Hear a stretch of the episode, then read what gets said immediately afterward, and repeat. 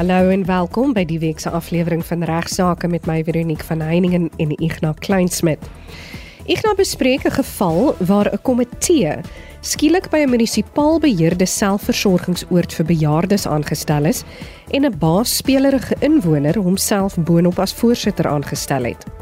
Ignas deel ook inligting oor die sogenaamde outo-aanslag van die ontvanger van inkomste asook die implikasie daarvan indien jy fotos of inligting van kwaaddoeners in jou straat op sosiale media plaas. Daar's ook belangrik dat ons moet kyk na wat Popie se doel is, wat hierdie wet se doel is en wat die omskrywing van persoonlike inligting is. In die tweede deel van regsaake verduidelik my spesialis gas Dr. Llewellyn Kerr-Lewis die basiese beginsels van bewysreg.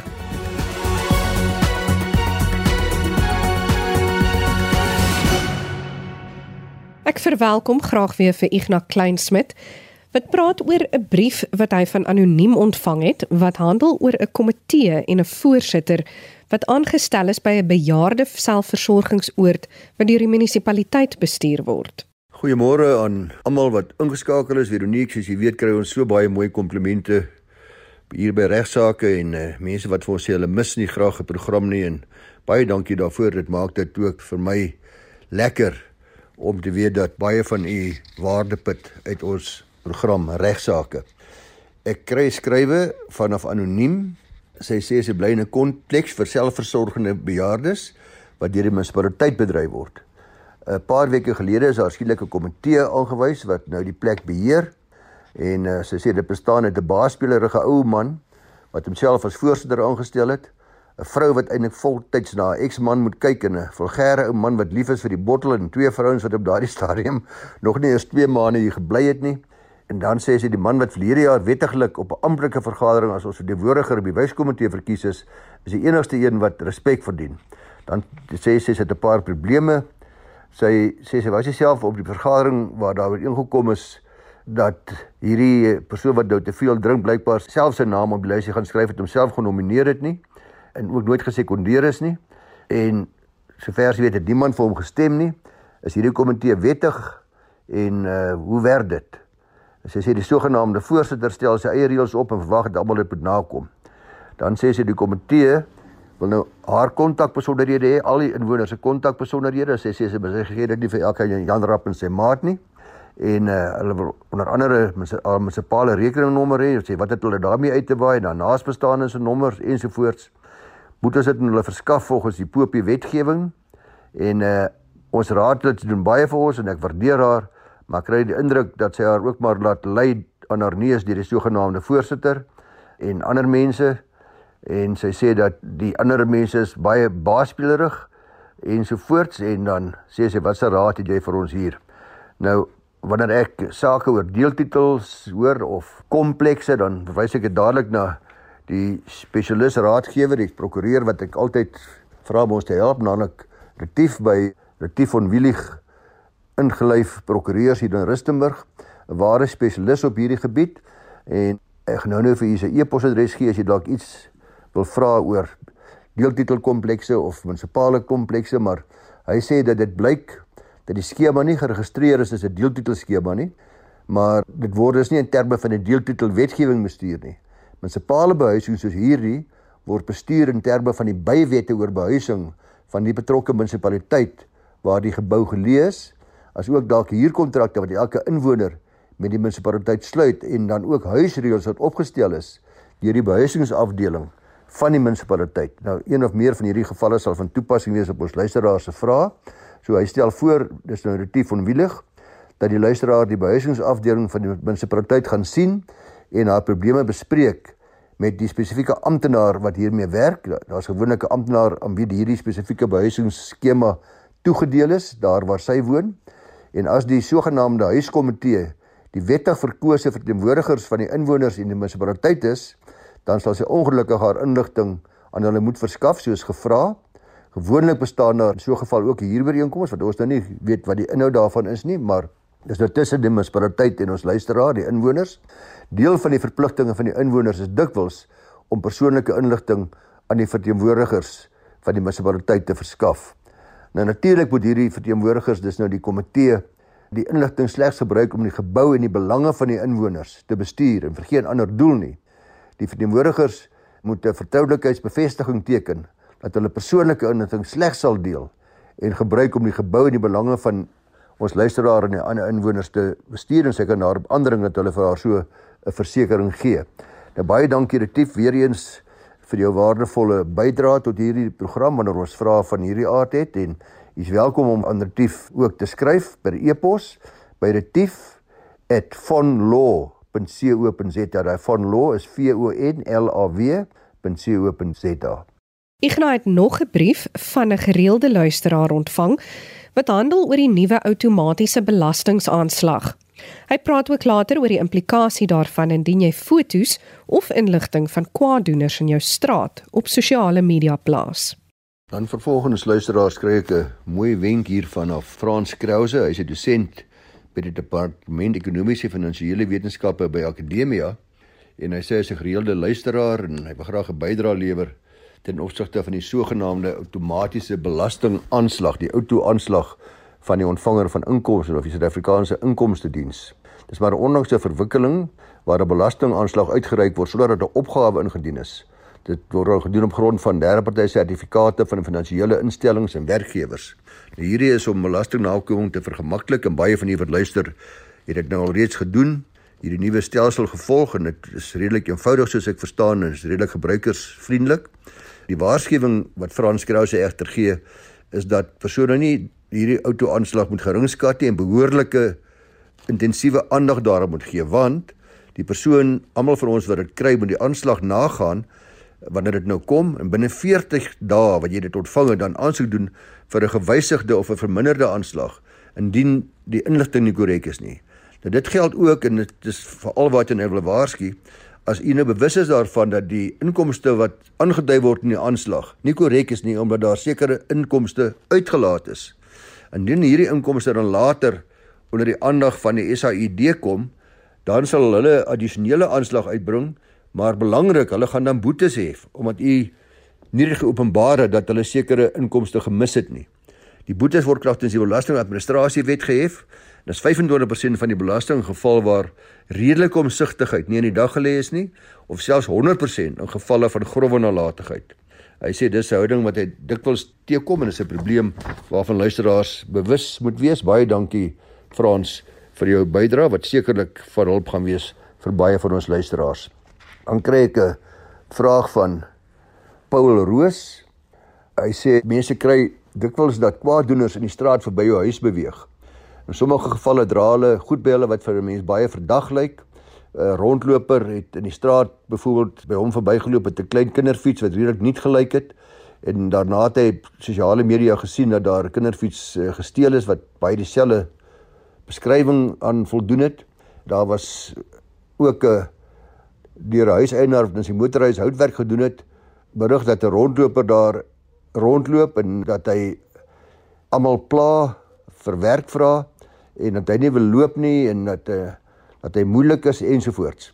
Nou in sulke gevalle het die lede van die buurtwag se sosiale groep al selfoonfoto's geneem van hierdie tipe van rondlopers of moontlike kwaaddoeners en soms is die man berig sy naam is bekend in ons omgewing hy het dalk 'n kriminele rekord waarvan ons weet en hy kan gewelddadig wees. Na aanleiding daarvan vra Paul nou twee vrae. Hy sê eerstens kan 'n mens foto's van enige rondloper of selfs 'n voertuig neem wat verdag vir jou lyk en wat voor jou huis verby beweeg byvoorbeeld gereeld.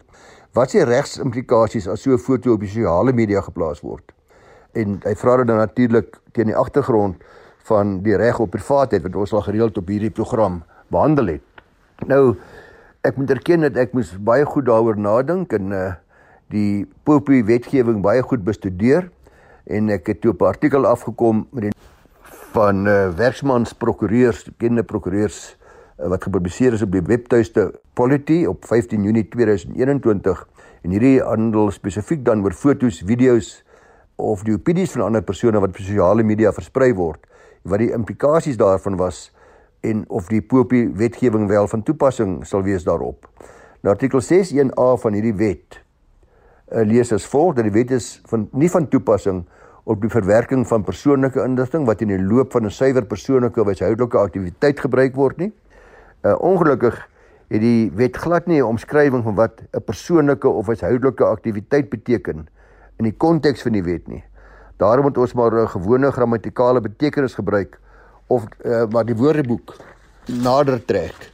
Nou die praktiese implikasie sal wees dat die Popiewet slegs van toepassing is op besigheid of professionele aktiwiteite. En in soverre enige foto's wat geneem is of sienings wat gedeel word op sosiale media of enige ander platform in 'n persoonlike hoedanigheid versprei word, is Popia wet verskeidelik nie van toepassing nie. Maar ek uh, sou ook waag daarteenoor om 'n foto van 'n verdagte of 'n voertuig uh, net bloot eenvoudig te neem dit te plaas op sosiale media en uh, ek sou eerder die inligting op 'n privaat groep deel en nie vir die hele wêreld op sosiale media stuur nie. Daar's ook belangrik dat ons moet kyk na wat Popie se doel is, wat hierdie wet se doel is en wat die omskrywing van persoonlike inligting is. Die doel van die wet is luisteraars om uitvoering te gee aan die grondwetlike reg op privaatheid deur persoonlike inligting te beskerm wanneer dit deur 'n verantwoordelike party verwerk word onderhewig aan regverdigbare beperkings wat daarom gemik is om die reg op privaatheid en ander regte, veral die reg op toegang tot inligting te mekaar op te weeg en te balanseer en die beskerming van belangrike belange insluitende die vrye vloei van inligting binne die publiek en oor internasionale grense heen. Nou wat kwalifiseer nou as persoonlike inligting? Dis inligting met betrekking tot ras, geslag, swangerskap, huwelikstatus, nasionale, etniese, sosiale oorsprong, kleur, seksuele oriëntasie, ouderdom, fisiese geestelike gesondheid, welstand, gestremdheid, godsdiens, gewete, geloof, kultuur, taal en geboorte van die persoon. So jy sal sien is baie baie wyd. Dis ook inligting wat verband het met die opvoeding of die mediese, finansiële, kriminele of werksgeskiedenis van die persoon, enige ID-nommer, simbool, e-posadres ensovoorts van ander mense, biometriese inligting van die persoon, persoonlike opinies, sienings of voorkeure van die persoon, korrespondensie wat deur die persoon gestuur is, die sienings of opinies van ander individue oor die persoon, ag ensovoorts ensovoorts, ook 'n baie wye definisie. Maar wat betref die spesifieke vraag van ons luisteraar Paul, sodra ek op sosiale media of op 'n groep gaan sê byvoorbeeld dat, dat jy loop verby en jy het pas in die tuin gewerk en jy lyk nie vir my goed nie. Ek neem 'n foto van jou en ek sê vir almal ek dink jy's 'n kwaaddoener. Of ek dink jy is die berugte persoon wat almal soek, die buurtwag omdat jy sekere beweerde misdade gepleeg het. Dan kan ek nou al vir jou sê loop jy baie groot risiko's want uiteraard of die wet nou van toepassing is of nie en soos ek gesê het die wet is waarskynlik nie in hierdie geval van toepassing nie is daar baie sterk moontlikhede van uh kriminele injuria die liewers dan ook strafregtelike laster of dan siviele laster eise wat teen jou gebring kan word. So voordat mens iemand se foto neem en hom of haar beswadder of deur aantuig deur eh, te beweer dat hy of sy 'n gevaar is of 'n kwaaddoener is, moet mens seker maak dat jy redelike gronde het om sulke stellings te maak. Dan laastens Veronique en luisteraars, maar net weer eens uh, beroep doen op almal van u wat gereeld luister en ook nuwe luisteraars. Maar net weer sê dat hierdie program word aangebied deur my namens die Prokureursorde van Suid-Afrika in 'n poging om sake van algemene belang te bespreek wat vir u van praktiese waarde mag wees, maar ek word nog steeds gebombardeer ongelukkig met lang uitgerekte skrywes van luisteraars en heelwat luisteraars wat by probeer telefonies skakel. Ek het al voorheen, ek wil dit net weer herhaal gesê dat ek kan ongelukkig nie telefoniese konsultasies met u voer nie. Ek kan ongelukkig ook nie u persoonlik van regsadvies bedien nie. Ek kan ook nie vir u help as jy reeds 'n prokureur het nie. Ek mag ook nie in gevolge die prokureursorders reëls uh my deelname aan die program ander prokureurs vir u aanbeveel nie. U moet maar in u eie gebied na 'n spesialis op die gebied gaan soek waar u hulp verlang. Ek sê ook gereeld aan luisteraars dat die prokureurs in u gebied is net so bekwame en nie meer bekwame as wat ek is nie en ek kan gerus van hulle dienste gebruik maak. Baie dankie dat u ag sal slaan op hierdie vriendelike versoek. Ek bedank graag weer vir Ignas Kleinsmid vir sy bydrae tot vandag se program. Ek praat nou met Dr. Llewellyn Kerr-Lewis oor bewysreg in howe. Mense word dikwels verwar met basiese beginsels van die bewysreg in sake in howe en verstaan dan nie hoekom 'n hof iets toelaat nie. Welkom Dr. Kerr-Lewis. Kan jy asseblief vir ons luisteraars 'n paar basiese terminologie wat gereeld ter sprake kom in hofsaake en tipies is van die rol van die bewysreg in sake verduidelik? Dit is miskien goed om na 'n paar bruikbare definisies te kyk alvorens ons konsentreer op 'n paar belangrike aspekte. Kom ons kyk na enkeles. Daar word dikwels gesê dat 'n getuie bevoeg moet wees. Wat word dus verstaan onder die woord bevoegdheid? In die reg verwys bevoegdheid na die vermoë om regtens geroep te mag word om getuienis te kan lewer. Daar word ook dikwels verwys na die woord bewys. In die reg beteken die woord bewys die metode waardeur die bestaan of die nie bestaan van 'n sekere feit vasgestel kan word. Dit tot die bevrediging van die hof wat oor die feite moet beslis. In siviele sake beslis die hof op 'n oorwig van waarskynlikhede. In strafregtelike aangeleenthede sal skuldigbevindings slegs kan geskied indien die hof bo redelike twyfel oortuig is van die skuld van die beskuldigde. Die term bewys moet nie verwar word met die term getuienis nie. Getuienis kan gedefinieer word as dit wat die getuie in die getuiebank lewer, asook die lewering van dokumente en reële bewysstukke wat gebruik mag word vir die doel van die bewys in hofverrigtinge. U moes ook seker al gehoor het van die term privilegie. Privilegie is die reg waaroor 'n getuie of 'n persoon aan wie die privilegie toekom beskik om inligting wat relevant is van die hof te mag weerhou. Dan gebruik ons ook dikwels die term relevantheid, verwysend na die verhouding tussen een feit en 'n ander waar in ooreenstemming met die reëls van logika en die algemene ondervinding van mense die bestaan van een die bestaan of die nie bestaan van die ander waarskynlik maak. Alle toelaatbare getuienis moet relevant wees, maar nie alle relevante feite is toelaatbaar nie. 'n Feit is toelaatbaar indien die reg toelaat dat dit bewys word deur middel van bewysmateriaal. Ten einde toelaatbaar te wees, moet die feit 'n feit in geskil wees of relevant tot 'n ander bewysende feit wees. Dikwels word ook verwys na die woord verpligbaarheid, verwysende na die vermoë om regtens verplig te mag word om getuienis af te lê in 'n hof. Watse tipe getuienis onderskei die reg? Vanuit die staanspoor wil ek dit duidelik maak dat die indeling waarna ek sal verwys tradisioneel is. Alhoewel daar gewoonlik in die howe en in teksboeke so 'n indeling gemaak word, vorm dit natuurlik nie in enige opsigte 'n universele of geslote kategorie nie. Kom ons begin by sogenaamde direkte getuienis. Dit is daardie getuienis wat betrekking het op 'n feit wat feitelik deur 'n getuie met een van sy sintuie waargeneem kan word. Kom ons neem 'n voorbeeld. Die feit in geskil in 'n diefstalsaak is of Y se beursie gesteel is deur meneer X. Gestel dat Z se getuienis is dat hy gesien het hoe X sy hand in Y se sak gesit en 'n beursie uitgehaal het. Die getuienis sou as direkte getuienis aangebied kon word dat Y se eiendom deur X gesteel is. Die vraag ontstaan dan: hoe vergelyk dit met sogenaamde omstandigheidsgetuienis? Getuienis word aangebied van 'n feit wat nie op sigself werklik in geskil is nie, maar wat wel relevant is tot die feit in geskil en waarvan 'n feit in geskil afgelei kan word. Kom ons gee 'n voorbeeld weer. X word daarvan aangekla dat hy Y vermoor het deur hom te skiet. Z getuig dat hy kort nadat Y vermoor is, 'n pistool in X se besit gesien het. Z se getuienis kan geklassifiseer word as direkte getuienis met betrekking tot die feit dat X 'n pistool gehad het. Maar omstandigheidsgetuienis met verwysing na die feit en geskil, naamlik of X vir eie geskiet het met daardie pistool. Hier benewens kry ons dan ook sogenaamde mondelinge getuienis, ook bekend as viva voce getuienis.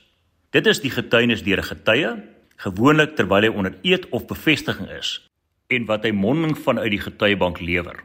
'n Voorbeeld. Meneer A, 'n polisiebeampte, terwyl hy in die hof ondervra word deur B se advokaat getuig, nogal in sy eie woorde: "B het my geslaan toe ek hom wou arresteer." Hierdie is 'n tipiese voorbeeld van sogenaamde mondelinge getuienis.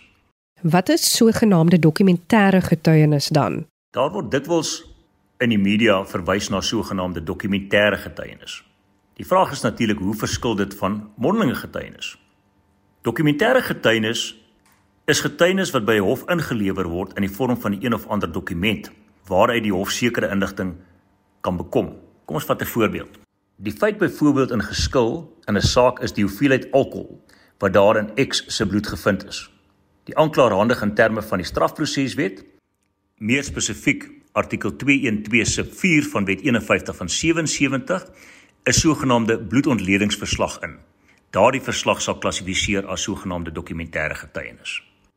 Dis ook belangrik om dokumentêre getuienis nie net van mondelinge getuienis kan onderskei nie, maar ook van sogenaamde reële getuienis. Getuienis wat bekom word deurdat die hof die een of ander fisiese voorwerp anders as 'n dokument moet waarneem of inspekteer, sal klassifiseer as reële getuienis. Kom ons vat 'n voorbeeld. In 'n aanrandingssaak toon die aanklaer aan die hof die mes as die wapen wat gebruik is. Reële getuienis dek nie alleen materiële voorwerpe nie, maar ook die algemene voorkoms van persone, ook die gedrag van 'n getuie en die inspeksie wat 'n regter of 'n landdroos buite die hof gaan hou. Die vraag of 'n stuk papier as dokument of as reële bewysstuk beskou sal word, hang af van die doel waarvoor dit gebruik word. Byvoorbeeld, as getuienis van die blote bestaan van die papier dan is dit reëel. Of as getuienis van die inhoud van dit wat daarop geskryf staan ter sprake is, kan dit as dokumentêr geklassifiseer word. Wat is hoorse getuienis dan? Hoorse getuienis is getuienis van 'n feit wat nie deur die getuie self deur middel van een van sy sintuie waargeneem is nie, maar wat deur iemand anders aan hom oorgedra is. Kom ons vat 'n voorbeeld. Die inhoud van 'n polisiebeampte se notaboekie verwys na 'n stelling gemaak deur 'n ander persoon by 'n voertuigbotsing en word in die hof aangebied as getuienis. Dit is hoorsê getuienis van wat by die voertuigbotsing plaasgevind het. Ek moet net byvoeg dat in die reg ons ook verder onderskei tussen sogenaamde primêre getuienis, sekondêre getuienis, prima facie getuienis en byvoorbeeld afdoende getuienis. Afdoende getuienis sou verwys na getuienis wat die toets van weerlegging weerstaan het of wat as bewysmateriaal gereken word wat deur geen party weerlê mag word nie. Prima facie getuienis is getuienis wat met die eerste oogopslag bevind word of verklaar word, soms deur middel van wetgewing, om voldoende bewys te wees van 'n feit tensy die teenparty natuurlik weersprekende getuienis lewer. In so 'n geval sal die beoordelaar al die getuienis van al die partye te mekaar moet opweeg ten einde te besluit watter feite bewys is.